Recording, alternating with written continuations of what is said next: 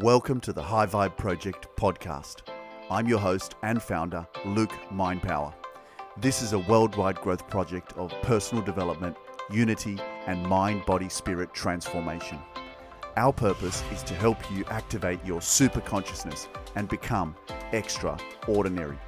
We believe that one of the best gifts we can give you is our time. Here at the High Vibe Project, we celebrate differences and we love to over deliver. In order to change the world, we must come together because together we are powerful. Your journey towards your high vibe life starts now. Hello and welcome everyone to that has joined us live. To those who will be watching the replay and also listening to our podcast, we have another expert talk on the High Vibe Project. My name is Khoa, your host for this evening, and today we're talking about troubled youth and their path to self-discovery. Let me introduce to you my four fabulous panelists, starting with I'll, I'll, give a little brief. Um, I'll say your name and just give me a little brief intro of what, what you guys do, and then we'll get in depth more about because I love hearing everyone's story and each and every one of you. Start with Joe. Tell us who you are and what you do. Hey, how's it going, everyone? Uh, my name is Joe. Uh, I'm the founder and head trainer at Confit. It stands for Convict Fitness. A lot of people have mistaken it for Comfy, the duck set, but it's uh, Fitness. Um, I'm also a student at UNSW studying marketing and management. And this all started from my whole experience now is all originated from like what the experiences that I experienced inside prison. I spent nine years in prison and I came up with an idea to offer prison style training to people, not just to help them to escape the realities of society's prisons, um, and just using my experience from what I did in prison too. I'll talk about that more later. Great, that's great. Um, thank you for your introduction, Joe. Next up, we have Levi. Please. Hey, hey. So, and what you so, do. Yeah, so I'm a tattoo apprentice at 359 Tattoo in Kingsgrove, and I am an ex inmate. I've just got parole, which is called conditional release because I got a section 39, which is not guilty due to mental illness. So I don't actually have a criminal record. So I should be allowed to tattoo. I'm just waiting for my license. And I also am a fundraiser coordinator at the Women's Justice Network. Ah, nice. And we and we have someone else who's, who's part of that too. The yes, yeah. And Ally. Yeah, Ally. I'll introduce you next. Hi, I'm Ally. I'm an artist and I'm also um, a youth worker at the Women's Justice Network and the creator and facilitator of the Healing from Within program. So we run that program inside a youth juvenile justice centre. So I've also been incarcerated and now I go back in and, and teach art to the youths in there. So yeah, it's good. Awesome, awesome. And the third, I mean, not third, the fourth and final person is Dylan. Hey, how you going? yeah, tell us who you are and uh, what you do now. Yeah, man. Um, my name is Dylan. I'm a street artist doing graffiti, and you know, I was doing a tattoo apprenticeship a couple years ago. So you know, focusing mainly on my artwork. You know, I was on the streets at a young age and and incarcerated at, at a young age too. And yeah, just been doing my and yeah, you know, just been doing a couple of murals and things like that lately, and um, trying to kick off with my artwork again. So yeah, doing positive things now. Oh, that's great. That's great. It's it's it's great that we have I guess I guess we could say Joe is the uh, the odd one out, in, one terms out. Of, in terms of what what uh, you guys are doing now. Because uh, Joe's in the fitness industry, and yourself, Ally, and Levi are in the in the art scene, basically, mm-hmm. where it's drawings or whatnot. So this this this brings us to um, the the topic of troubled youth and their path to self discovery. The reason why I got you guys on the panel is that you guys all share share an experience that we we hope that youths don't need to go in that direction. Yeah, so you you guys got experience that we hope that you could share to to our youths who are going towards that rabbit hole. Basically, this is where it's interesting because it's all about stories, and each of you guys have a unique story to tell and how you could give advice to people who who may lead down that way. Nothing better like personal experience. And I'll start with you, Ally. I see you got a lovely artwork behind. Um, yeah. Tell us. Um, a, yeah. Okay.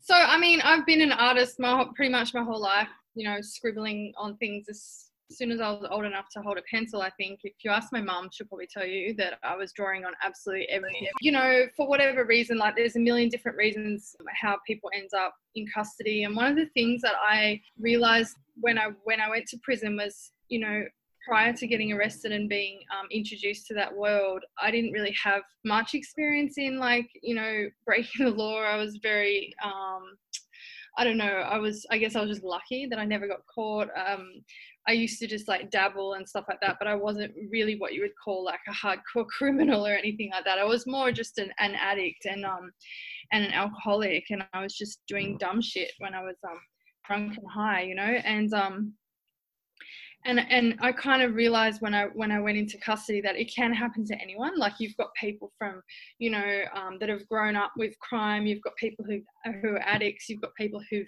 made one silly mistake. You've got people who have got mental illness. There's such a there's such a, a varied um, array of people who are in custody. So that was kind of one of the messages that I wanted to get out there was that it can literally happen to anyone. It's not just one type of person who ends up in prison.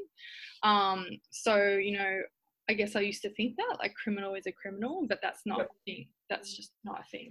And So- another thing that needs to be said, Ally, is that most people who have been to jail have also been through traumas. yeah, traumas have led them Yeah. down the path that they have been through. Yeah, so that's one of the things that we kind of had in common, I suppose, when I when I did get out and I started looking at the stats and everything like that, was the common thread was that people who'd been in custody had um, been victims at some point in their life of some t- type of trauma. Um, it's like over eighty percent or something like that. Um, and yeah, so for me, you know, my art picked up again. Like I went through, um, I came from a background of alcoholism and addiction and um, my life kind of just spiraled from all my 20s was a bit of a blur and then towards my early 30s it started to get really bad where i started to sell drugs and then i obviously got caught as people do when they're an addict and they're trying to sell never really goes well um, and um, yeah so the i picked up art again while i was in custody um, i started drawing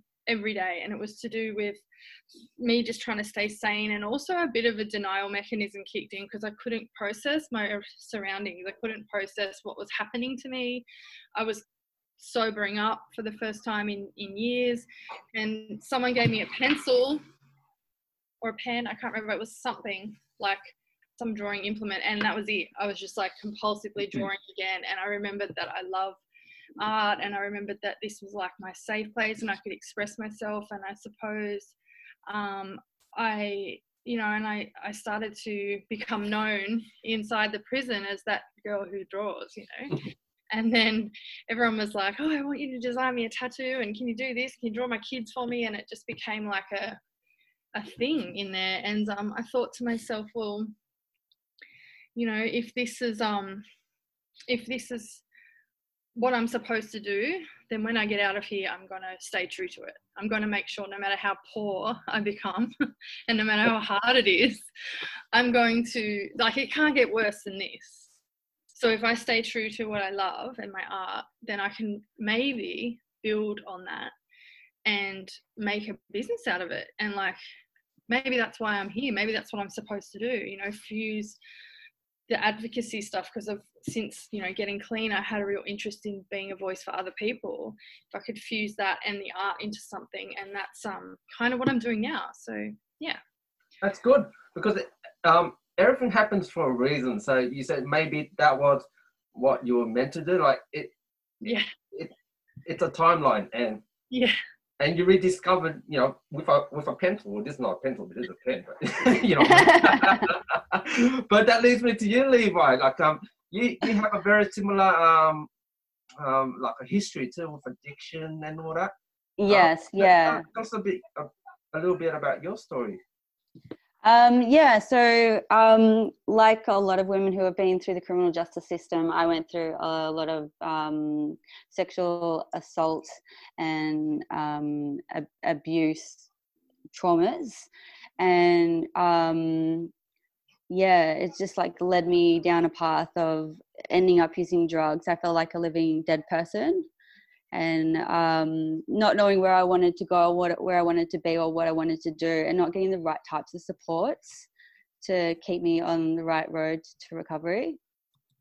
Um, and yeah, I just um, I didn't have a drug addiction before what happened to me, and then um, I was craving the drugs afterwards to um, be in escapism from what happened, and then um, I did actually clean up my act for a while there, um, but um, due to the traumas not being dealt with exactly properly, um, yeah, I um, ended up in jail um, through mental illness and everything like that. Um, so it was, it was a bit of a sorry, uh, it's just too triggering for me at the moment because I've got something else going on in my personal life about that. But um, yeah, so um, yeah, I ended up getting not guilty due to mental illness, um, which is Section 39, um, which some people may know about, some people may not. It's a different route to take in the criminal justice system, um, same, same, but different. Uh, instead of having screws look after you for your entire jail sentence, you actually have nurses and doctors looking after you and writing notes on you pretty much 24 7. So that can be a bit of a head fuck in itself, even if you don't have a mental illness. So, yeah. Um, yeah, so that's what I've been through, and uh, I've started doing a tattoo apprenticeship, and I've been doing that now for about eight months. Wow, uh, and I must say it's um, it's inspiring that you're you're here right now. You accepted my invitation to to share your story, and I could see the emotion that you that came out just then, and yeah, you're brave. You're brave. Yeah, thank you. Levi, like me, has also got a passion for giving back and using her story, and she's yeah. part of the Women's Justice Network. She does a fantastic job as a volunteer with us, so we love her there. She's amazing. Thank you. Sorry, I, lo- I totally lost my train of thought through that. I'm like, where the fuck do I pick this up? Excuse me. Where do I pick this up from? I've dropped the ball, mate. I've dropped the ball. I'm like, oh my God, I can't fix this one. Like, I'm like, it's great. I'll get back sorry. to No, no, no. Yeah. It's it's really Oh, great. you know what? To the bio, I'll fix, I'll copy paste from my um, Levi Lucia, Lucia Tattoos um, website, but there's a little blurb at the back of that for WJN, which um, talks about what I've been through and my passion for doing charity work, Yeah. especially for something I've lived through myself and see other people struggle with and being through that and trying to come out the other end and find um, acceptance within the community again, which is the main thing that a lot of people struggle with is finding acceptance with the wider community again once they've been to jail and finding work housing and to reconnect with family and friends Yeah, because and to what- make new friends Yeah, um, because what you mentioned too was that um, at, at the start,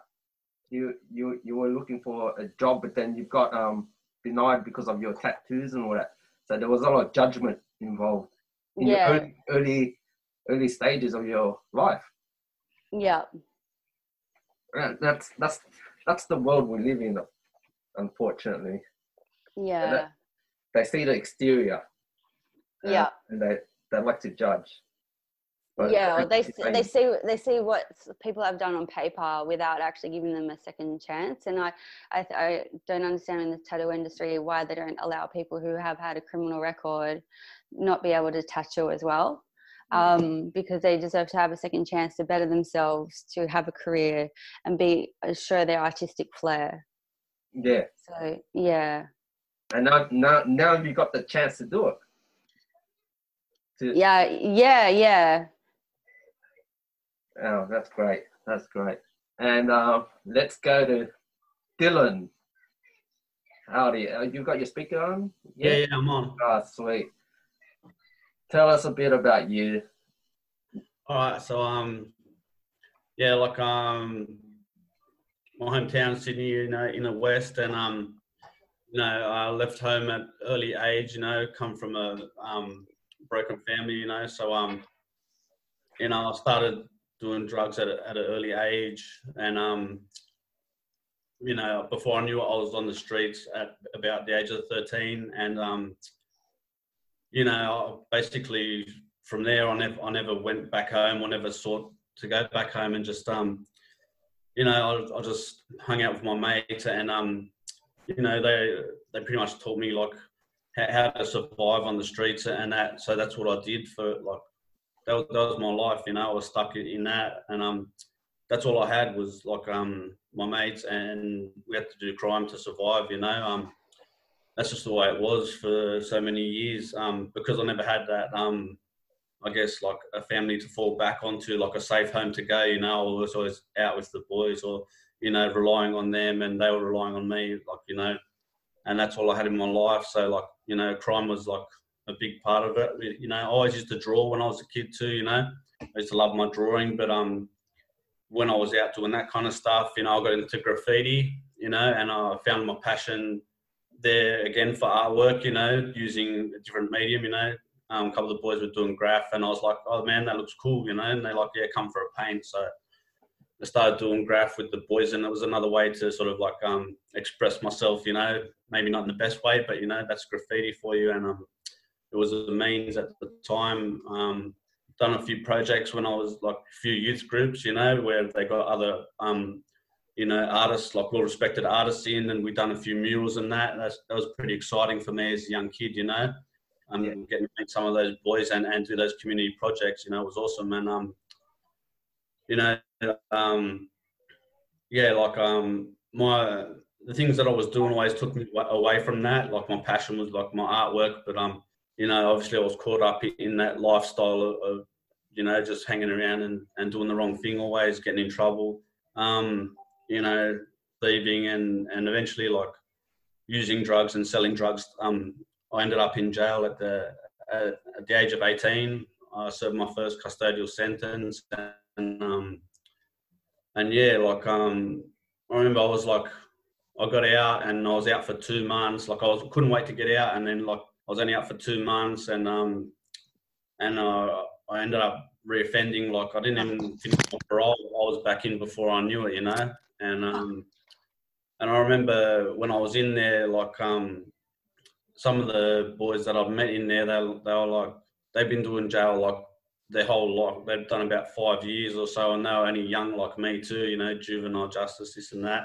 And I thought, I thought to myself, fuck, you know, like if I don't do something to change my life, I'm gonna be like these guys, and all I'm gonna know is like, like you know, inside of jail cells and and being locked up and just stuck in drugs. You know, um, I um I, I too started doing a, a tattoo apprenticeship um, a couple of years back, but um, you know my um, my drug addiction always got in the way of that, and plus a few other factors too. But um, you know these days I found like um, when it wasn't until I actually um, reached out for help, you know, with like you know I was still getting in trouble with the law, but until I reached out for help and and um, got the help that I needed and put down the drugs, you know. Now I'm now I'm finding my way back into my artwork, you know, which has always been, you know, my passion and what I want to do in my life. So I'm, um, you know, now I'm like, um, you know, picking up the, the tattoo machine again, and um, been doing a couple of murals, um,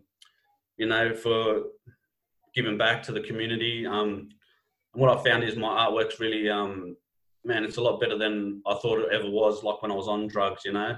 So. Yeah um, so yeah, I'm just trying to um, basically like change to change my life. I had to put down the drugs, you know, and I couldn't do that by myself. Like you know, I needed help to do it. But um, yeah, like um, now I just want to get on with it and you know do the right thing, give back to my community, you know, and do the right thing by myself, you know, and um, and and my artwork's a big part of that. Yeah. Yeah, and and and you mentioned that you've been clean for three years now. Is that correct?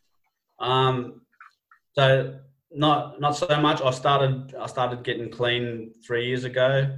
Um, I got a, I got a bit over a year up and had a had a relapse. Um, and uh, I went back into that old life straight away, you know, and um, I realized what was happening around me. I was like, fuck, you know, I worked hard to get clean and build a life, and then I was destroying it, you know, with drugs again, you know, and um, and, and I pulled the pin on that. I said, nah, you know, I've had enough. I want to get back into back into my life, get clean again. So that's what I've done now, you know, and I'm now over a year sober again, and you know, life's good, life's great for me again. So you know, plan to keep it going now. That's very good. That's very good. We, we got a question from Fiona too. I was wondering if you could, um, um, you three artists could answer. Um, do you think there was a lack of mentorship for young artists in schools, in school systems? Or was there other reasons that drew you away from this passion of art? Um, I, I think personally, um, they in the, in the school system they, they they maybe don't go into like as much guidance as what what you could be as an artist you know like art's such a, a broad subject but um like you really have to be educated on that like what the different avenues are like i'm still only finding out now like you know what i can do with my artwork you know by doing a TAFE course and that, that opened my eyes to like all these different avenues but i think in the in the school system there, there is a lack of knowledge about how, how to um like people that are passionate about their art and which which ways to direct them. Yeah. Ah, okay. I would love to see, you know, um, the program that I'm currently writing, and and um, the program that I'm delivering inside the youth system is, and it's a creativity based program, so it is art based, but it's we're utilizing all the sort of psychological tools that are in art. So like, there's a lot of studies out there. Like I haven't, you know, read, I haven't read like I've probably read about three, but there's so many out there. And they talk about, you know, how art is, you know, resilience building, it's confidence building, it's um it's self-esteem building, it's um it teaches all these great things and there's more and more studies being done on it. And um I just would love to see the schools really pick that up and run with it the same way they have with mindfulness and meditation. You know, it's really, really um, trendy at the moment to teach mindfulness in school. So I'd love to see um, art being treated the same way is being um, even if people aren't ne- necessarily artistically inclined just to have creativity as a process that's really um, really taught because it does teach resilience it teaches so much um, and that's what i kind of do with my program yeah. Oh, very good very good. So, mm. yeah um, art, art is often overlooked in um, when i when i used to go to school art was, art was like um, it wasn't like a primary subject where you choose to it, it was a secondary subject. Mm. it wasn't pushed upon people yeah know, like you know english or maths well we're still just trying at the moment we're still fully understanding like what it can do for people in terms of um, healing um, what it can do for your mind confidence building like it's a great tool um, and you know like i said there's smarter people than me out there figuring it all out and putting it into words but i I just know what it did for me, and I'm trying to pass that on to others. Um, but yeah, it's really good. Um, Joe, so um, I, I know this is your specialty. Um, Dylan mentioned about about being street smart too. Tell us a bit about your story. Um, you've got an inspiring story from. Um, yeah, take it away, Joe. Yes, thanks, guys. Um, you know, I, I love artwork as well. Uh, I'm glad that you guys are really following your passion. Um, and I think that's great, you know, like just like yourselves, I'm following my passion in fitness. And, you know, I guess this segment is for the youth as well. And I want to say to the youth, follow your passion, whatever that is, you know, follow your dreams, follow your passion. Um, I really didn't have a passion growing up. Um, my passion was just to make money, I guess. Um, I grew up really um, in an underprivileged uh, community and it was just like right with um, kind of had really heavy gang influence in the community that I grew up. And I really didn't go to school. And I had this entrepreneurial spirit ever since I was young. You know, whatever I could get my hands on, I could sell. So, you know, I used to like always steal things off people and sell it back to them. And, you know, um, I used to I used to knock off like porno mags from like local news agencies and like still like pages. And I remember like my mom getting called in at school by the principal because kids used to get caught by the parents and they're all like double me. You know, and I'd be getting pulled in, and like, you know, I remember the principal showing my mum, your son's been selling these pages. I'm like, how embarrassing is that? But you know, like I got into like little little bit of stealing pot here and there, you know, um, around year seven, year eight, and then one day, I someone gave me this pill, and I tried this pill, and it was an ecstasy pill, and I was like, this is like the fucking best thing ever. Most kids would be like, how am I gonna take this again? How do I get my hands on this? My mind, I'm thinking, how am I gonna sell this? How am I gonna make money out of this? People are gonna buy this. So, like that's how I started, and I started small, and you know, I, was always had I had older guys around me who were always um, involved in organized crime, and um, you know, I I didn't go to school. My at, you know at a young age, my full time job was uh, a drug dealer, and then got into some heavy stuff, into importations, and then got bigger and bigger. Started running my own syndicate after a while, and at the age of 21, I got a month after my 21st birthday, I got I got arrested, and eventually I got sentenced to 13 years in prison. Ended up doing nine years, and when I when I went into prison, I realized everything was taken away from me. Literally, you have the, even the clothes that you wear on you don't even belong to you. It belongs to the system. The only thing that belongs to you is your body and your mind. You know, and um, I realized when I went into prison, I was like, I've got nothing. What do you have? You know, when I was living my life outside, you know, I used to walk around with my pockets full of like five thousand, ten thousand dollars cash. But then in prison, you've got nothing. So I, I really like had to unwind and unravel myself and go, what do I really have? And literally, I had nothing. I didn't have education, and I've seen the common denominator for why everyone was in prison was for the lack of education. Um, so I, it got I got to about halfway point in my sentence, and I, I wanted to do something drastic because it, when I was halfway and I was thinking, fuck, is that only halfway? You know, uh, we went through so much stuff and it, it felt like, you know, forever. And I just realized that I've got another, another half to go. And I was like, how am I going to deal with this? So I decided, you know what, I'm going to do something drastic. I'm going to do, I'm going to take on education, something that I've never done before. So I went to the local, I went to the uh, jail library, got myself um, a university textbook. It was an accounting book. And because I read this uh, book, Rich Dad Poor Dad, and in there it goes, oh, look, the language of business is accounting. You have to learn accounting if you want to do business, right? So I'm thinking, yes, I'm going to do accounting. So I got myself an accounting book. The moment I opened it, I was like, no, I'm not doing this. Like, I was reading it, it looked like hieroglyphics. And you know, as soon as I started, I felt like giving up. But I think state brings people together.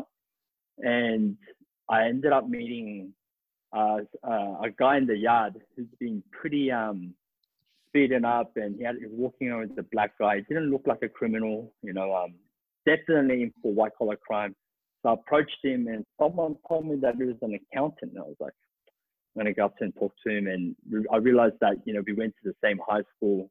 Um, obviously, I didn't graduate, but and he's from another generation, but we went to the same high school, and kind of like similar areas. And then I asked him, look, can you tutor me accounting every night? And I'll give you protection with all the boys and I'll get you out of that cell because he was cellmates with this gigantic um, Serbian cage fighter who was heavily medicated and he'd be drooling on himself half the day and when he wake up from the drugs he'd start choking him out in his cell and he was having a nightmare of a time and I said I, I said, I'll get you out of that cell with that with that lunatic. I'll get you in with me, but you have to tutor me every night. And he did tutor me every night, but not only did he tutor me just accounting, but he taught me about about business, um, about the value of education, and about self worth. And I got some really, really good mentoring of him. That was the first ever positive mentor that I ever met, and he really changed my life. And ever since then, I'm an advocate for mentorship, you know, for younger people or older people, whatever they go through. But I believe in mentorship, in learning something new to develop yourself and to grow yourself in a positive way. So um, I developed Confit. It was an idea that started when I was in segregation. Um, I started tra- I started to train because that was my escapism from the realities. Just like you guys, you guys use art as your escapism um, inside prison. I use training. So I use my body to get fit and not just to get fit, but around to creating a strong and resilient mindset as well.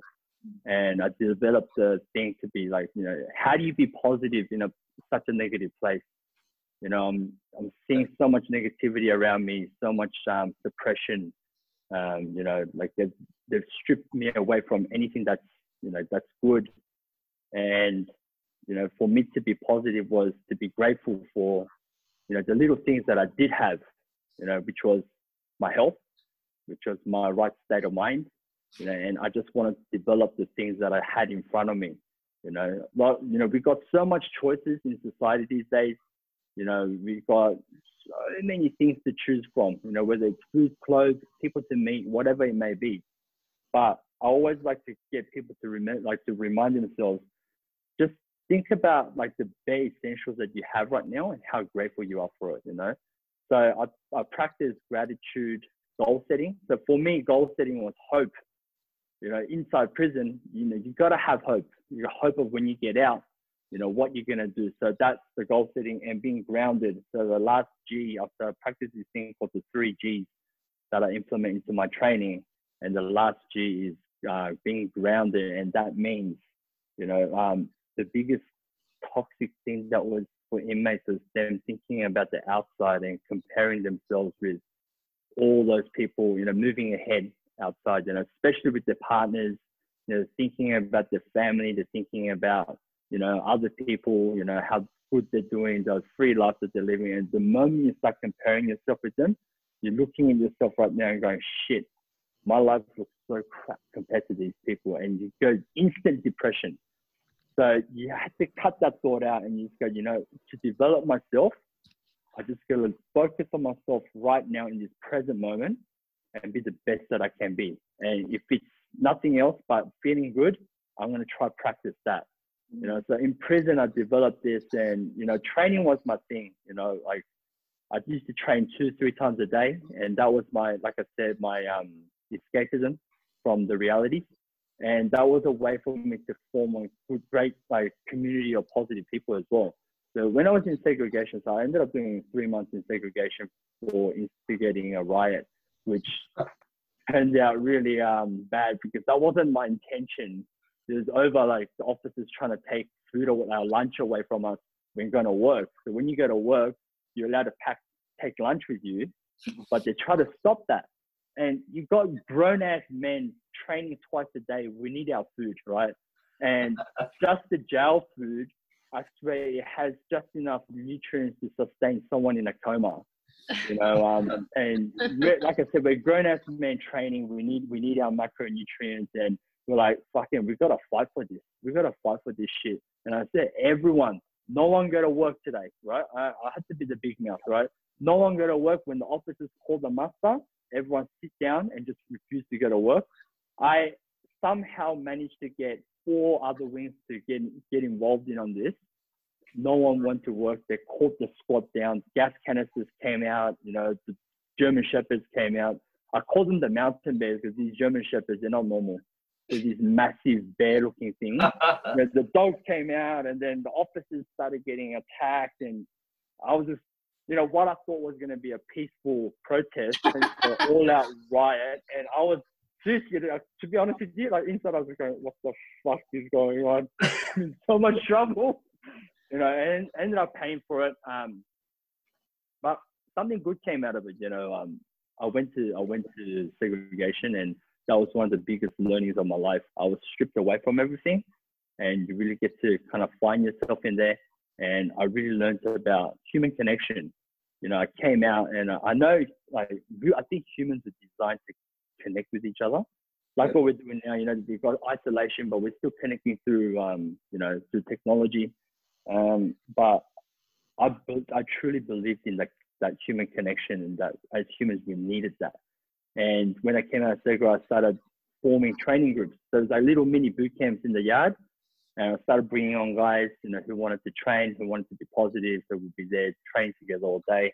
And I continue doing that today um, outside, and I offer the same sort of community through fitness um, in boot camps. And our mission is to reduce the rates of recidivism, because you know when I used to form these communities, I had guys who get relief and come back. And I'd be like, you idiot, why are you back? And he was just like, I couldn't fit into society, you know, he couldn't get accepted. He couldn't hold down a job, you know, a meaningful job. And I was thinking, how do I how do I address this issue? So I decided to start up a business called Confit. You know, like I said, I've got my entrepreneurial um, spirit since a young age. I thought I'd use it to good use. and I created a business where I could create a platform where inmates could become the trainers or the former former inmates could be the trainers and the wider community could be our clients. And at the same time inmates could give back to community. And um, you know and the, I guess the society could get something positive out of us as well.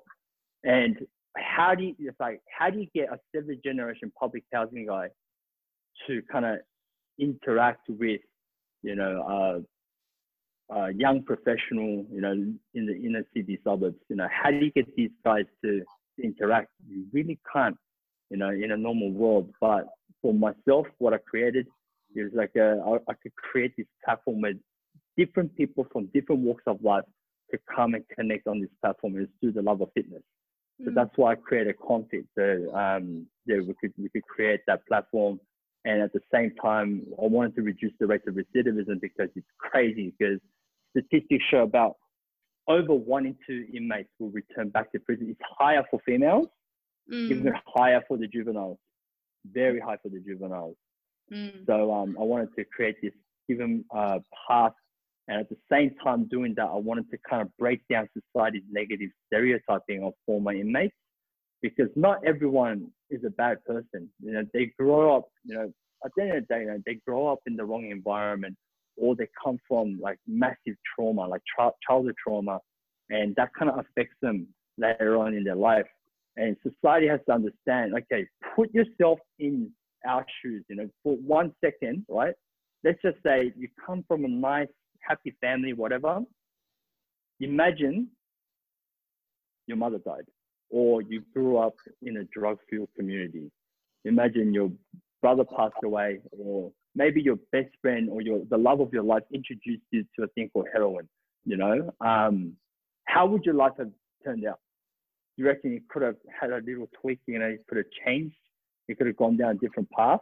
I try to get people to kind of understand, you know, even normal people can have the smallest little blip in their life that can turn out into something really bad, horrific, and could end up in prison. You know, so what I want to show society is like, you know, we're not all bad people. There are some, there are some pieces of shit in jail. There are some bad people, but mm. not all people, not all ex-inmates are like that. And the ones that want to give back to society, I reckon society needs to kind of open up the doors and give us uh, give us a second chance to be able to do that. And you know, I'm glad that I could do that through my passion of training. I'm glad you guys could do that through your passion through art. Um, and I wish we can kind of push forward to, um, you know, open some doors so society can kind of kind of give us opportunities so we can kind of kind of lay some, you know, grounding for other ex-inmates who are coming out of prison to follow suit. Mm. You know? So yeah, that's that's what I'm doing at the moment. That's good, and and, and we can see it in your in your in your muscles, your your muscular, so you've been maintaining it. Definitely, yeah. There's the biceps. we got a we got a question from Fiona too about about it. Um, do you still train three hours a day, or um, how do you just, transition? Okay, so I just today today I just I, I attempted to do a kilometer lunge, uh, a Centennial Park. So I, I only managed to do 500 meters, but uh, I'm attempting do, do a kilometer. Um, but yes, I'm, I'm always setting myself challenges. I'm doing something different. Now that I have more options, and I'm very grateful for these options, I'll try to make the best of my time. And, you know, when I've got a little bit of time, you know, I run three classes a day. And on top of that, I do my training as well. So when you see me run my classes, it's not just me verbally giving instructions. I'm actually doing, doing the exercises with the guys because we just recently transitioned over to Zoom. So I'm doing online sessions. If you guys want to check out my sessions, come and join us. Go to convictfitness.com.au or look up Confit Oz on my social media. Just hit me up and like this, the Zoom link. Um, I run classes like that. So yeah, come check us out. Yeah, that's that's really great. You you you you've all been in that situation where you're you're you're in that four by two or whatever, size it is, and it's it's that isolation process, and it would have changed your mindset. It it, it would have gave you gave you guys time to think about what how did you end up here? And where would it lead to? What did you guys tell yourselves in, in general like in your head like what did you say to make you snap out of it did you have inspiration from from um, people maybe like your friends or or the, the accountant joe or or anyone in there that sparked a, a a fire in your decision to lead where you're going now which is in the in the right path or getting onto the right path. Um, Levi? Oh, wait, you're on silent. You're gonna unmute. Oh, yeah. Yeah. Sorry, I'm I'm a bit of a luddite with technology. It's not my strong point at all. So I do apologize. Um, yeah, so um, I think for me it wasn't just about. Um, well, I know it isn't just for me. It's just about um, connecting with people in the community and connecting with finding a passion that you want to follow through as hopefully a career. It was also finding myself again um, and coming to terms with my identity and how I am as a person and how I want to be. And um, I actually came across an article when I was at the last leg of my tour in jail. Um, and I came across an article by Ruby Rose, and it was about um, gender fluidity.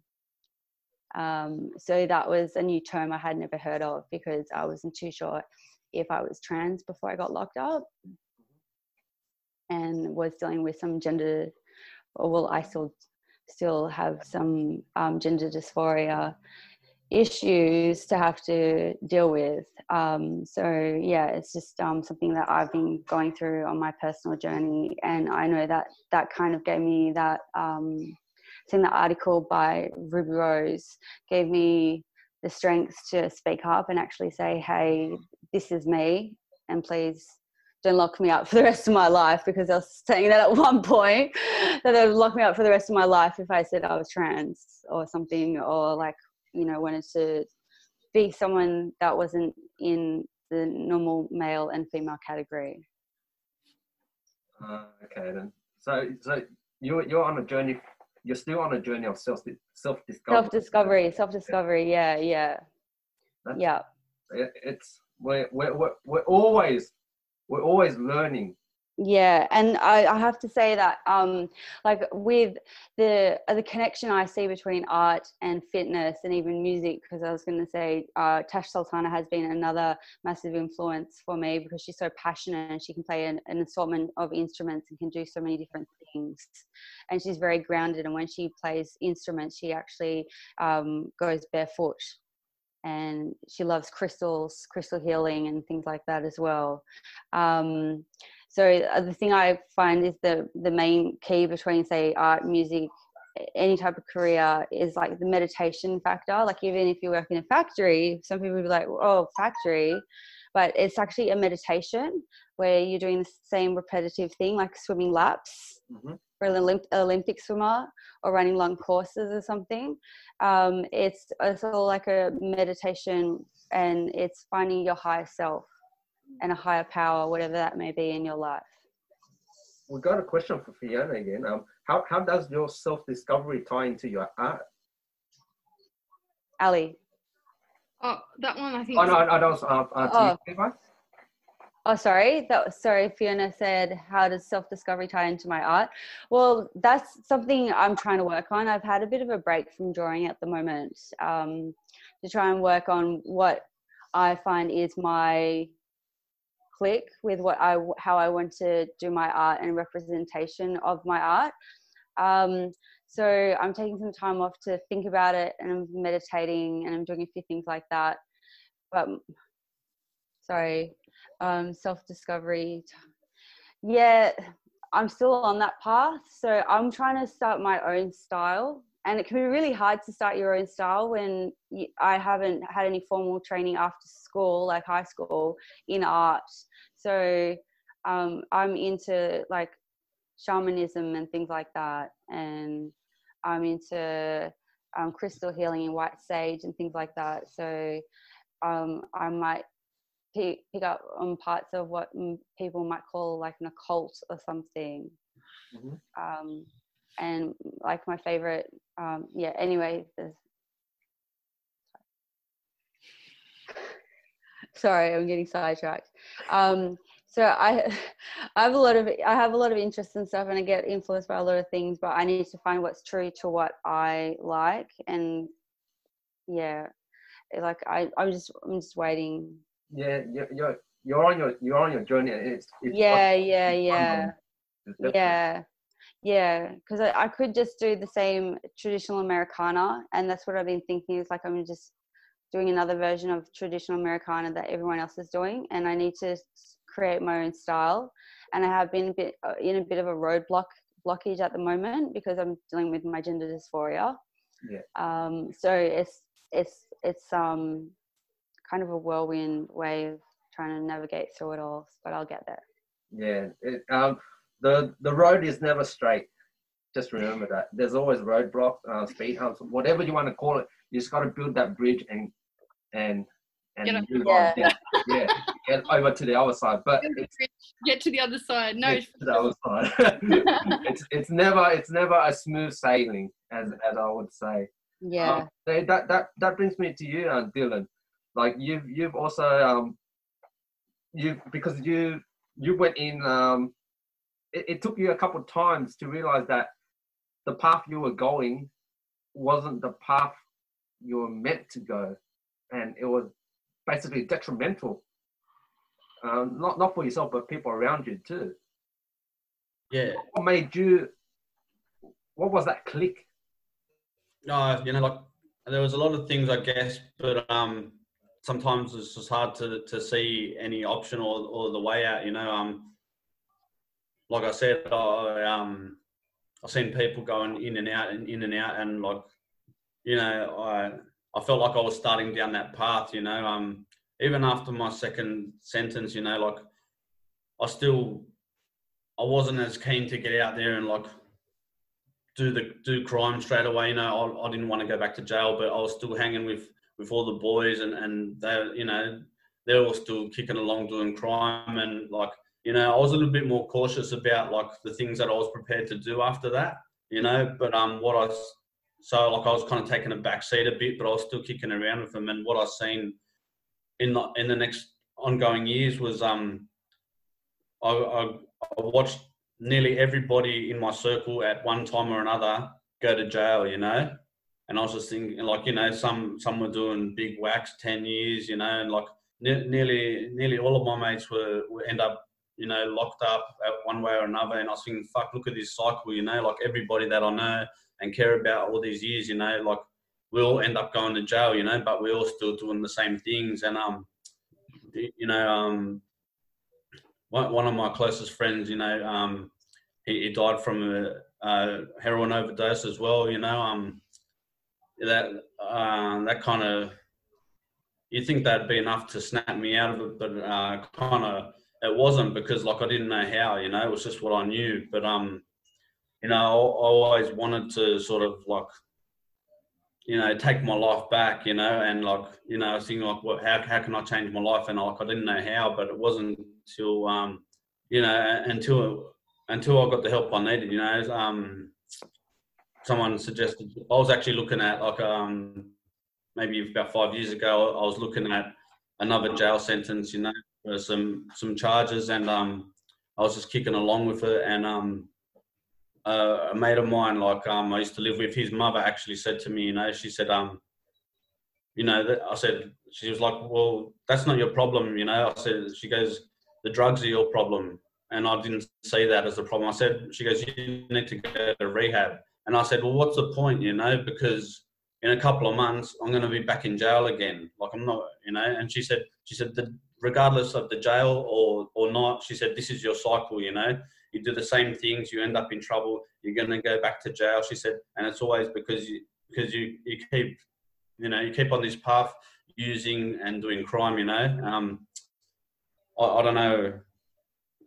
I don't know why all these years before I never listened to her, but you know, at this time I did, and I and I, I reached out for help, and she said, "All right, you know, I'm coming get you, and um, you're going to rehab." And I fucking hated the idea. Hey, like you know, um, and I told all my mates too. You know, I was like, "Fuck, I'm going to rehab, boys," and they looked at me like, "What the fuck?" You know, Are you serious? You know, like, what's that going to do? You know, and um, I, I thought, you know, I need to try something new here because, you know, we've been doing this for so long and I'm, I'm getting nowhere, you know, like people are dying around me, you know, like I overdosed myself one time, you know, like all my friends are getting locked up or, or you know, stuck in addiction. Like, you know, not too many people are going anywhere, anywhere good, you know, and um, I thought I'll, I'll try, you know, maybe, maybe I'll give it a, a, a shot, you know, and um, and I, I, tried it, you know, and um, it was hard, but um, it was worthwhile, you know. Um, through that, I realised that there is another way.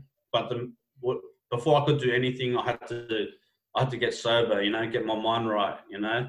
And um, once I'd done that, then like I started to get back into like wanting to be fit again, started training and stuff again.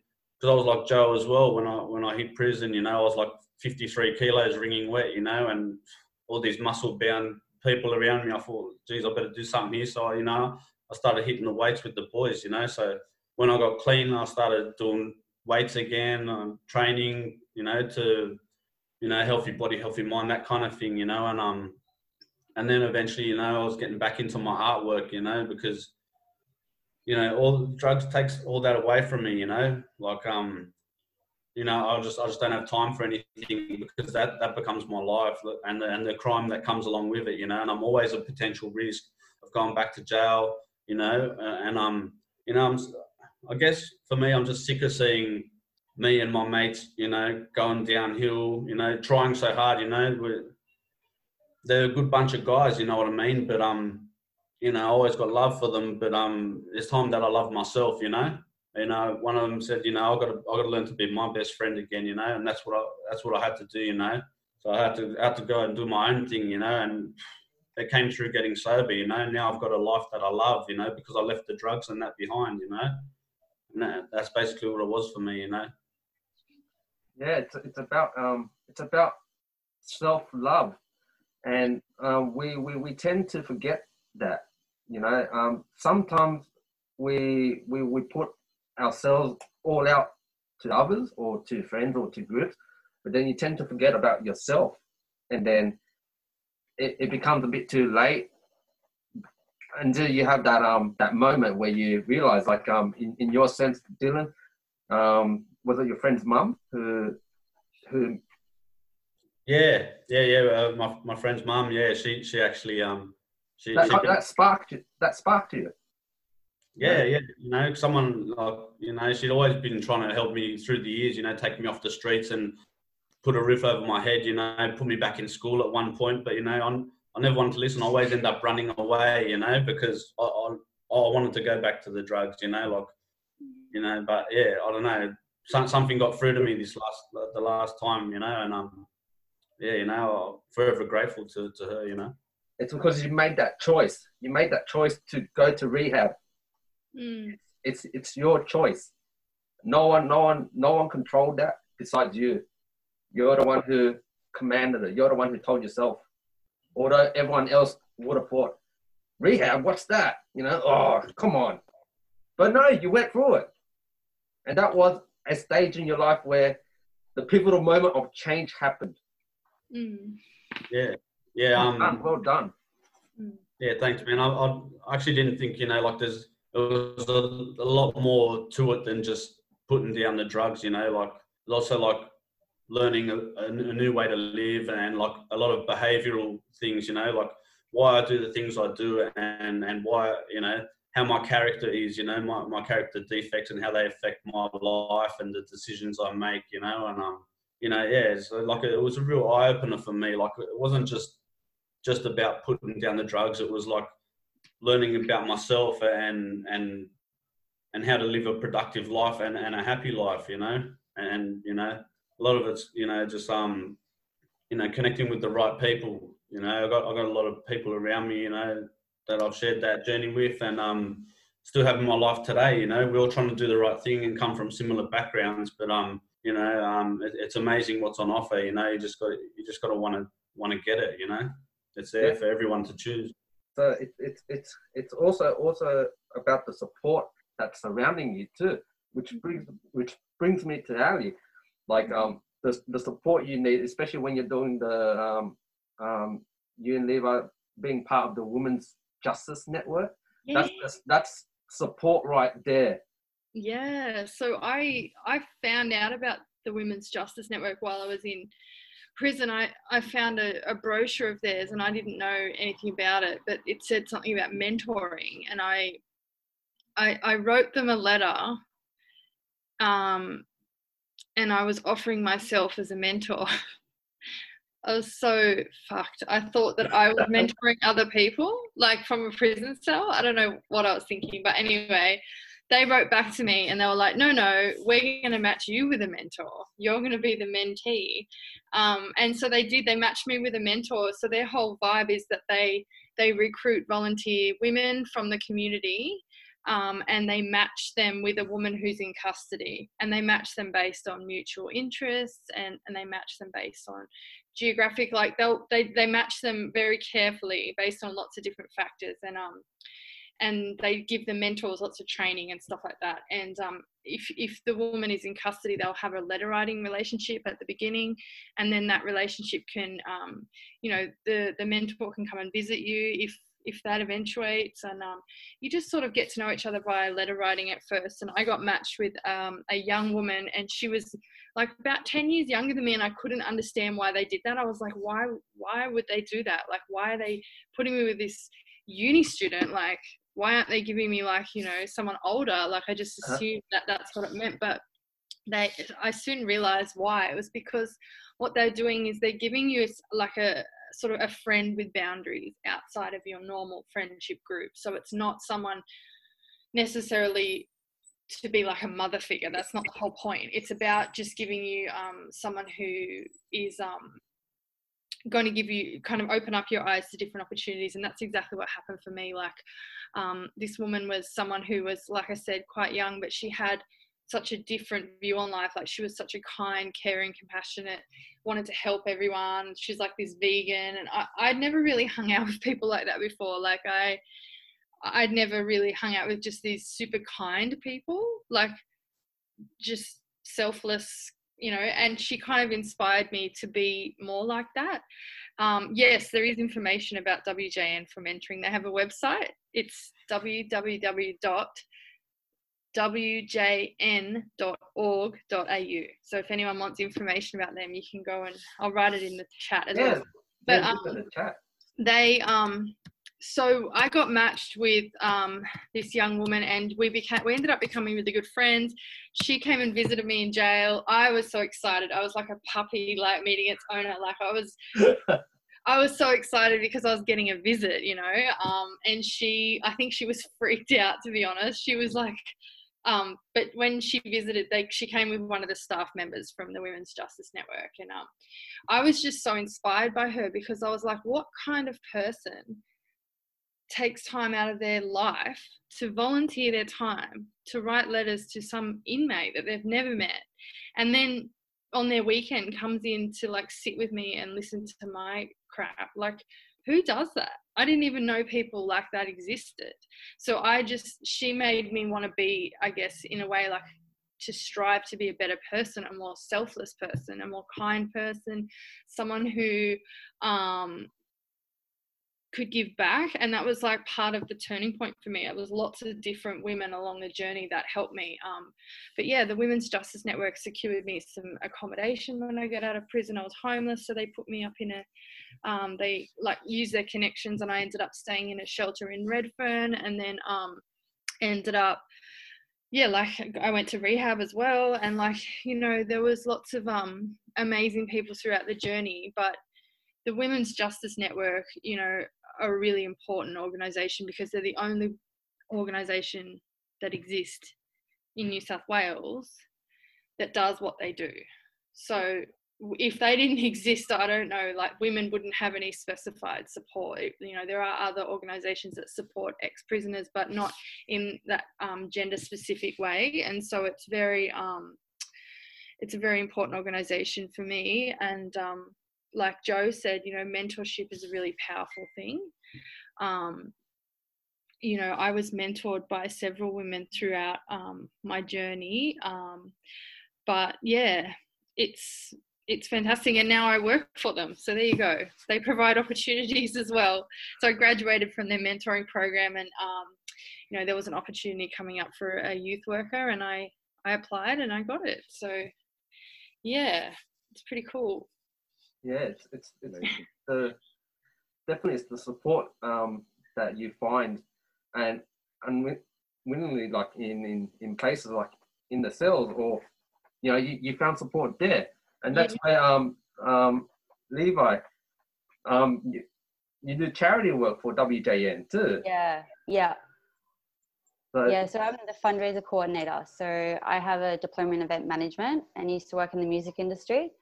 So what I do is I use a network of people that I know and we well last year for it um, i only got on the back leg of it so i was organizing prizes for the auction and the raffle. But this year I was actually organizing with one of the ladies who's a full timer or part timer at the Women's Justice Network, um, a fundraiser that, that was themed. And it was, it was, I'm not too sure if I should be talking about it because I don't know if we'll use it next year, but it's like a living museum. So it's an idea of uh, people from the outside corporate society coming in to a jail and having a first an eye in like a keyhole eye in or an actual cell fit out idea of what it's like of being in jail with a voice recording of a jail letter. And it could even be a real jail letter um, about missing family and friends or their children or their dog or whoever is their their their closest loved ones and everything like that. And then maybe someone um, who their loved one um, writing a letter back as well, and having the plastic cups, the red cups, and the red um, bowls that we have, and the cutlery that you keep sacred, sacred that no one else can steal, because that's one thing you, you do get into punch ups over if someone's stealing your bowl or your cup and things like that in there, like yeah, and you get hovering over your feet like this to make sure no one else eats it so yeah so it's just it's it was supposed to be like an eye in and uh, there's a lot of different things that I had put together for it as well. Because, um, uh, like, being, uh, well, thinking that I can be sometimes a creative person, um, putting a playlist of music together, and even went to the Boomgate Gallery and found this amazing CD that I recommend everyone to get. Hang on, Dave, do you mind just passing me the uh, CD up there on top of the. Um, yeah, that one no, no, it's, uh, it's called um um uh, uh, Jailhouse Ballads. Hang on one second. It's absolutely amazing, and the music is is is really heart heart wrenching. That's not it. I don't, um, I it. Some of it's heart wrenching. It makes you feel happy, and the um, uh, Long Bay Hotel. Um, so yeah, it's it's yeah, I really loved it. So I was going to put that together with um, other jail songs that I found um, with my father. Yeah, so it was, yeah, it was just had a had a theme theme to it, and you could ask questions and um, have speeches and have mentors and mentees there. So there was a whole range of different things that were going to happen for it. Oh, Obviously, COVID came and ruined everything, but yes. We'll be back. So, Women's Justice Network is a non for profit organisation. We receive very, very, very little government funding, which which um, manages to provide for our adult mentoring program, but the rest of our um, programs are run off um, fundraising. So we fundraise, we have people like Levi that help out, um, we have other volunteers that help out, but it's really um, like there's just no money, you know, for these sorts of things, which is a shame you know, because they have billions of dollars for things like stadiums and that, which is like great. But this sort of um, service and, and the stuff that they provide is so crucial. Um, so we are going to keep doing what we're doing until people take it more seriously, and then you know the money will come later on. Yeah. Um, I'm sure of it. Persistence pays off. Yeah, for sure. Hundred percent, hundred percent. Mm. That um, Joe, that um, because we're talking about um su- support outside. Um, you would have had support when you when you when you were free, when you were when the doors opened, basically. You, you kept in touch with um with your how would you say the, the accountant was it? Did you keep in touch with him? The accountant, the accountant's still inside prison. Oh, Um, to be honest with you, when I got out, I had no sort of zero support. I completely detached myself from the old, um, my Old old circle. of friends. Yeah. Um, I knew if I wanted to change my life, I had to. You know, I remember when I got out, you know, the first week when I got out, you know, they kind of like opened the doors like, "Hey, Joe, come back. You know, we know, you know, we know who you are. You know, let's get back into it." And for me, it was like, man, um, I've washed my hands. Um, and mind you, like uh, seriously, the first year, you know, I, I lived, I lived like a bum. You know, literally cold showers. Um, you know, in a house that looked like a, you know, it looked like some ghost was gonna come out and things like that. But yeah, I didn't have any support. But the thing was, you know, I knew in my mind what I needed to do, um, and I wanted to pursue my pursue my passion of education and fitness. so you were your own Uh, support in your Yeah, yeah. So I um I went to university as soon as it came out. My goal inside, so I got accepted into university when I was in prison, and mind you, that was a better feeling than when I actually got released. And um, yeah, when I got out, a month after I got out, I went straight to UNSW as a student, and I told one of the lecturers, I went, "Hey, um, I, I'm one of your students, and I just got out of jail, and this is what I'm doing." She just looked at me, going, "What?" And she, didn't even believe me that I was one of her students. And I told her, yeah, I'm one, I'm one of the students. I'm one of the students in your class. So she introduced me to uh, a, a mob called Center for Social Impact um, at UNSW. They get massive funding, uh, private sector, government sector funding to do a lot of research uh, around um, social, around social causes and things like that. And I ended up becoming a part of an MBA program who kind of taught me how to turn Confit into a social enterprise and what I needed to do. And that kind of formulated what Confit is today. It's a social enterprise to reduce the rates of recidivism in Australia and to help the marginalized societies. And um, like like you guys, I'm part of a program. So I've started a program. So we're in the middle of writing the curriculum right now to provide opportunities for not just males but females as well. Female inmates coming out of prison, and we want to diversify later into people from marginalized backgrounds but we want to be able to mentor them and provide them with the skills such as um, soft skills such as literacy, you know, tech, tech support, you know, tech skills, um, uh, financial literacy. So UNSW is on board, um, PricewaterhouseCoopers, an accounting firm, they're on board, and I'm trying to get one more tech company to come on board. And Confit will be offering, uh, providing the mindset around the mindset into reintegrating back into society and how to not just integrate but to succeed and to flourish you know society and to, for them to be able to have these skills to you know further their whatever they want to do so it's called a progression pathways program whether they want to become an entrepreneur or they want to go into corporate or they want to whatever they want to do if they want to take on higher education we want to be able to provide them with the tools and the connections to be able to do that.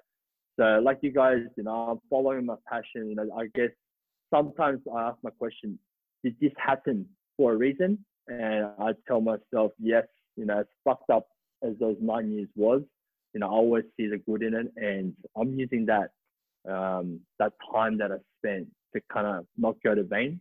So now I'm doing all I can to kind of give back and to help others to be able to have a better life, more opportunities. Yeah. So awesome. That's very good, very good.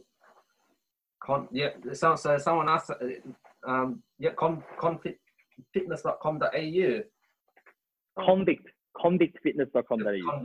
Convict, convictfitness.com.au. Yeah. Uh, let's just type that, convictfitness.com.au. type that again. I think, um, Levi, you just sent me a private message. Oh, so, yeah, yeah, yeah. let me, let Yeah. me base. It was just, it was just, it was just the website. It's just the website because someone posted it up. But yeah, I, yeah, not being good and with technology, I don't always write it to the right person. So Oh, that's Alrighty, guys. Now, the, the we got we we get youths, um, troubled youths who who tend to find the life of crime as their a way to fit in sometimes, or it depends how the, the circle of friends that they hang around with, or they they feel that they're not looked after, so they they got to do it themselves, which is the how you say the wrong way. Mm. What what advice would you guys give to them? Like two or three pointers that, out of your personal experiences, what can you give to a younger person or any person that general to to kind of turn that two degree change into a different direction rather down the rather through that rabbit hole that they're going I'm going to jump in here because do you know what? I work with youth. I work with teenagers at a school, and they're all traumatized, like marginalized kids in Blacktown. And I find this so hard because I thought I could just waltz in there and just do my thing, and they'd all think I'm amazing. But they are just so hard to get through to. But one thing I do say to them, and this is my like, I guess, a thing I wish someone had told me, and I probably wouldn't have listened anyway when I was young, but it's not cool to be like it's not cool to fuck yourself up it's not cool to write yourself off. It's not cool to like i like breathing basically. That's what i say to my my kids at school. It's cool to stay alive. You know you might do all those things but they're going to lead you one place you know. Like they say jails mental illness um prison you know a grave sometimes. You know you just it, it's cool to to look after yourself and it's cool to reach out for help i guess trying to make that cool and and and kind of seem accessible to young people is so difficult so if anyone's got pointers please help me because they are tough these kids are tough I think also with all the young kids out in the West, um, they're not exposed to opportunities. They Yeah. don't see they don't see the bigger picture. They Mm. see what's around them in their society. And I know uh, things like drill music, I know guys are using this rap, this gangster rap that really glorifies crime. You know, I, I guess it's a way for them to express, you know, their life. But in a way, it's you know, I see this kind of affecting the young lives of a lot of the young men in the West, and they they see these things and they think that this is the only option that they have, you know, because that's what they're surrounded by. And I just want to say to the young kids, you know, don't let your past or your surrounding environment define who you are, because there are options out there, you know, and nothing is beyond the realms of your reality, you know. Um, but in saying that, nothing comes easy you know, a lot of people look, look look at you know these corporates and um, like you know guys doing legit businesses and they go, oh, this is too hard. I'm not gonna do this. Where do I start? You know, that's why I want there to be programs where these guys can have these options to get started and to give them like a vision, to give them a bigger picture and to show them that this is possible. And I would really love to have other ex-inmates coming out and succeeding in life so that you know they can replicate that success. And people can look at hey this is possible. You know these guys they did they did a whack. They did some jail time. You know these this guy did 18 years or whatever but look what he's doing you know um very true. have kids have to see that but there's not enough of that at the moment there's who do you know that's an ex-inmate in australia that's made it in society you know there's no really representation yeah Exactly. There needs to be a representation. There needs to be people who who make it in society, who have that connection with society, and ha- gain that respect from the community. And they really need to drive this forward. And for that to happen, the community and society itself need to break down that that negative criminal stereotype thing and provide these opportunities. You know, and I'm an advocate for that. And I, I believe that's the first step to be able to have the right role models. And even now, I'm looking for a female inmate that's an ex, uh, that can be a trainer, or female ex inmate that could be a trainer. That's my next thing.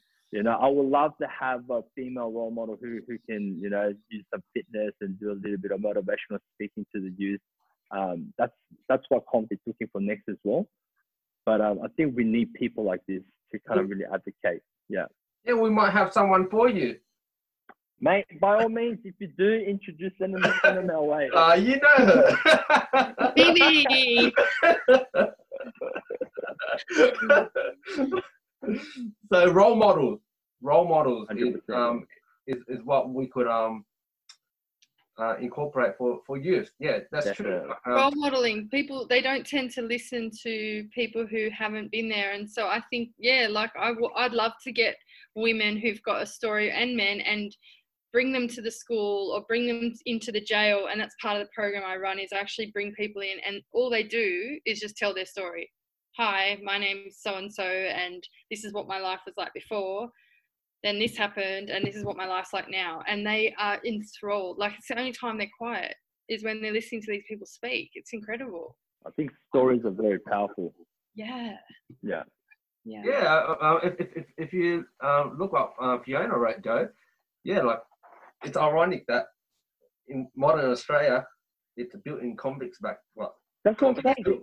Australia was built by convicts, and now they're really like putting us down. Come on, they should be actually putting us in the front line. And that one of our national heroes is Ned Kelly, and he shot Exactly. police officers for God's sake. Like, hello.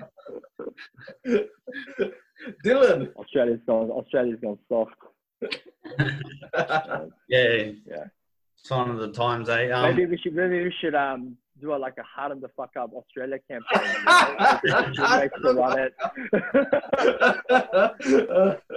um, we'll issue a new date for it. yeah.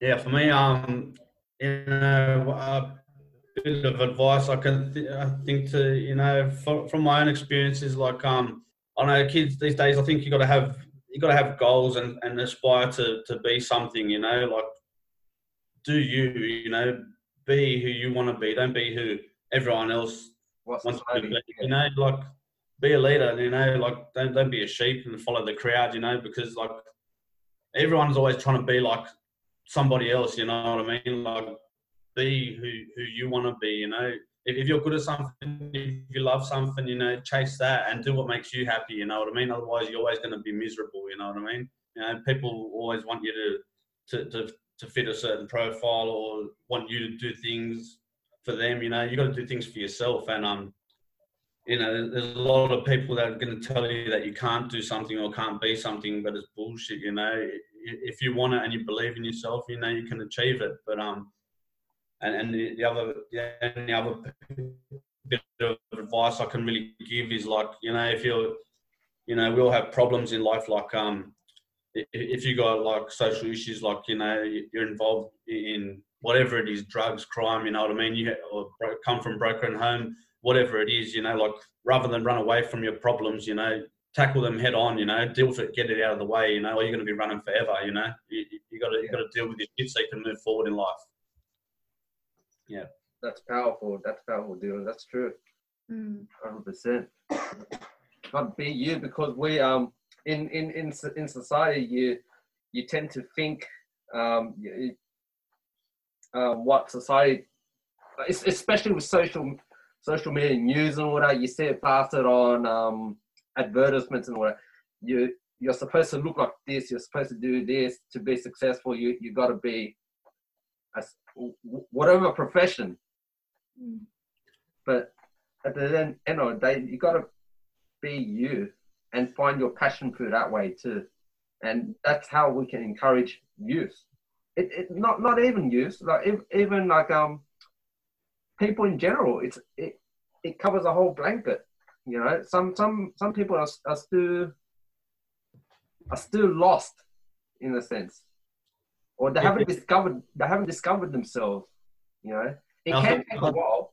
I, I think you need. That's what I mean when I started by saying like you got to have goals. You know what I mean? Like that's the main thing as well. Like if you have no idea of what you want to do or what you want to be, you're never going to do anything. You know, have something to, to, to strive for to achieve. You know, otherwise you're just aimless. You know, and when you got nothing to do, you're always going to find trouble. You have to have a vision. Yeah, Um, hundred percent. Yeah, that's, that's exactly right.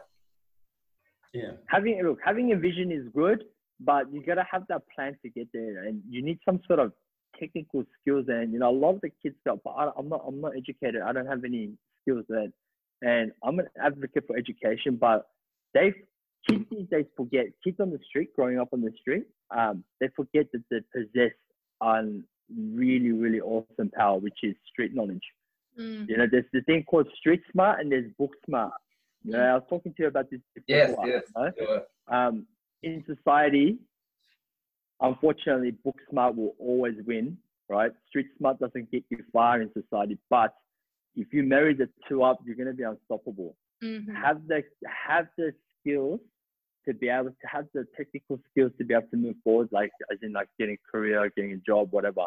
But having that street knowledge behind you, that street smart, that, that's something you can't learn at university. You know, I'm at university now and I look at the kids and I go, how fucking dumb are all of you? But you, like academically, you're so fucking smart. You know, What do you think- yeah. What do you think, Joe? Is it like that street smart? It's almost like a um it's like a, it's common sense in a way. Yeah, like it's a like a compass sixth, or it's like a sixth sense. It's Like a a sixth sixth sense sense, well. Yeah. yeah. it's like a sixth sense.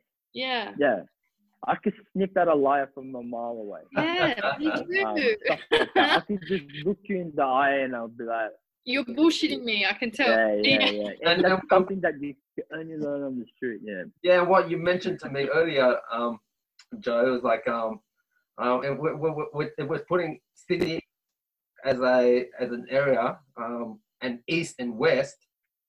Um, what did it say? Like, say, for example, I'm, not, I'm stereotyping at the moment, but you know, in the Yeah, yeah. east, book smart, but then they'll get Look, stood I'll, I'll tell you over. Look, instead. look, lot of lot of children these days grow up um, very sheltered, you know, from sheltered families, and that's a good thing in a way. But those who aren't sheltered, uh, grow up in a sheltered way, you know, there, there are a lot of um, consequences that come with that. But kids grow resilience, and there's a certain type of mindset that comes with that. You know, being on your own and figuring things out on your own, and it's like you trying to teach someone something right? And the kid doesn't really want to learn, but the kid kind of does it himself. You learn faster by doing things on your own. Um, if that's a good analogy. But yeah, it's just, it's, just the difference between a sheltered um, childhood and a non-sheltered childhood. Um, but obviously there are there are perks and disadvantages for both. But for those who haven't been sheltered, I'm just saying use what you have. You know, I always talk about be grateful for what you have so be grateful for your street knowledge. Use that to propel you to that next step. You know, if you've got nothing else, use that. Hone into that, what you have. You know, um, you know, I see guys, you know, I see guys street hustling, be best persuaders I've ever seen in my life. You know, use Mm. that skill to get ahead. You know, imagine these guys if they got the technical abilities, you know, and they go into marketing or something. Do you know how good they'll be into sales or something like that? You know, um, yeah. So use that as a stepping stone, but make sure you get your your technical abilities, which means educate yourself. You know, I don't, I don't mean get get. I don't, you don't have to get a university degree if you want to. By all means, even better. But um, educate yourself in in skills, in knowledge. You know, just to move forward, because you need that in society. You do, yeah. Yeah, there's the trilogy of that, trilogy of that, which is your SQ, your EQ, and your IQ. So your IQ is your um, intelligence, which is your book smart. Your SQ is your street smarts, and your EQ is your emotional quotient. So, Right. so it's about understanding um, em- emotional f- filtering of such as situations. Nice. SQ. Never heard of that one. The EQ, I read a great book while I was locked up about EQ. It's really, really, they can measure it now like IQ. It's really fascinating. Yeah. Mm. Levi, um, i- i- is that what you um, um, you want to share to the youths? The advice? Oh, that I wrote to you. I, I yeah, that. Um, Oh, sorry. no, I just found it easy just to write it out there, so I just got it out of my brain. So it's like bang, like so my social anxiety doesn't take over. But what I find it easier is to find someone in the community that has guts and gusto, um, has a mixture of whatever you you are more um, inclined to relate to or like or passionate about is the IQ, EQ, or SQ, or a balance or a mixture of all three of them in some kind of way. Um, and hang out with them and like maybe they've been on the bad path before but they know the the path that you should be on um, to fulfill a good satisfying life 100%. Good advice. Alrighty. Well, that was that was an awesome session, guys. yeah yeah sure That's great. And Ally, with your beautiful artwork that you're displaying behind, how many do you have? A million. A Well, million. Did, yeah, you, did you swap it over? What I'm doing, oh yeah, I'll swap it. So what I'm doing is I'm actually donating 20% of all my card sales at the moment to the Women's Justice Network fundraiser. So all these artworks that I'm showing you now um, are going onto little cards, and I'm donating 20% of all my sales. So I'm pushing that at the moment because Women's Justice Network are fundraising. Obviously, they need money, so I'm trying to do my bit by um, selling these cards. They are postcard size, but they're greeting cards. So if you go to my website, you can click on art cards and you can order them in packs. You can order one or you can order them in packs of like five or 10. Um, and yeah, like I said, 20% of proceeds go straight to the Women's Justice Network fundraiser. And I'm going to hopefully continue that as an ongoing thing. I'd like to, it's like a really mini, mini, mini social enterprise um, with my greeting cards, with my artwork on them. So yeah, I um, put, I'll put it up now, um, my website. So go and buy and um, write a letter. It's really good for you. It's good for the soul. all, all the it- All it- writing writing a letter is an art form these days. People don't know what it's like. It's like pouring out your insides. Exactly. You know. all those ex inmates know how to do it. Get get your writing back on, you guys. As in pen and paper, not not not not not your phone, right?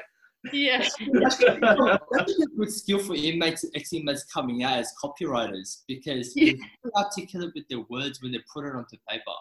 Yeah. Yeah. That's what happens when you get stuck in a jail cell for like 20 something hours at a time. hey, you gotta you gotta uh, develop develop more skills. Yeah. Oh, time to kill. uh, alrighty, guys. That brings us to the end of the talk.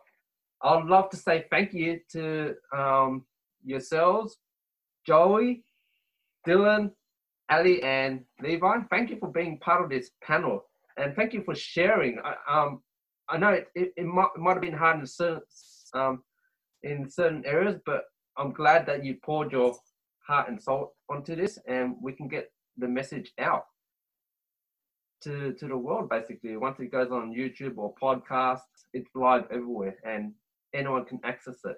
But thank you for being part of the panel and sharing your personal journey, your personal story. Only you have that, no one else, and you've experienced it, and you can share it to all the youth, all the troubled youth, even people in general. Your your life lessons, what you've talked in this conversation. I'm very grateful that you guys accepted to be a part of my panel. Don't forget to follow us, High Vibe Project, on all socials. We're on everything. Thank you for joining in. We hope you enjoyed this episode and it was a blessing to have shared this space with you. To stay up to date with all our upcoming events and expert talks, follow us on social media at High Vibe Project. To watch all our live event replays, be sure to subscribe to the High Vibe Project YouTube channel. We are also available through the Meetup platform, which will give you free access to our current list of online events. Inspire someone today simply by sharing this episode, and don't forget to leave a rating and review via the Apple Podcast platform. We would love to hear from you.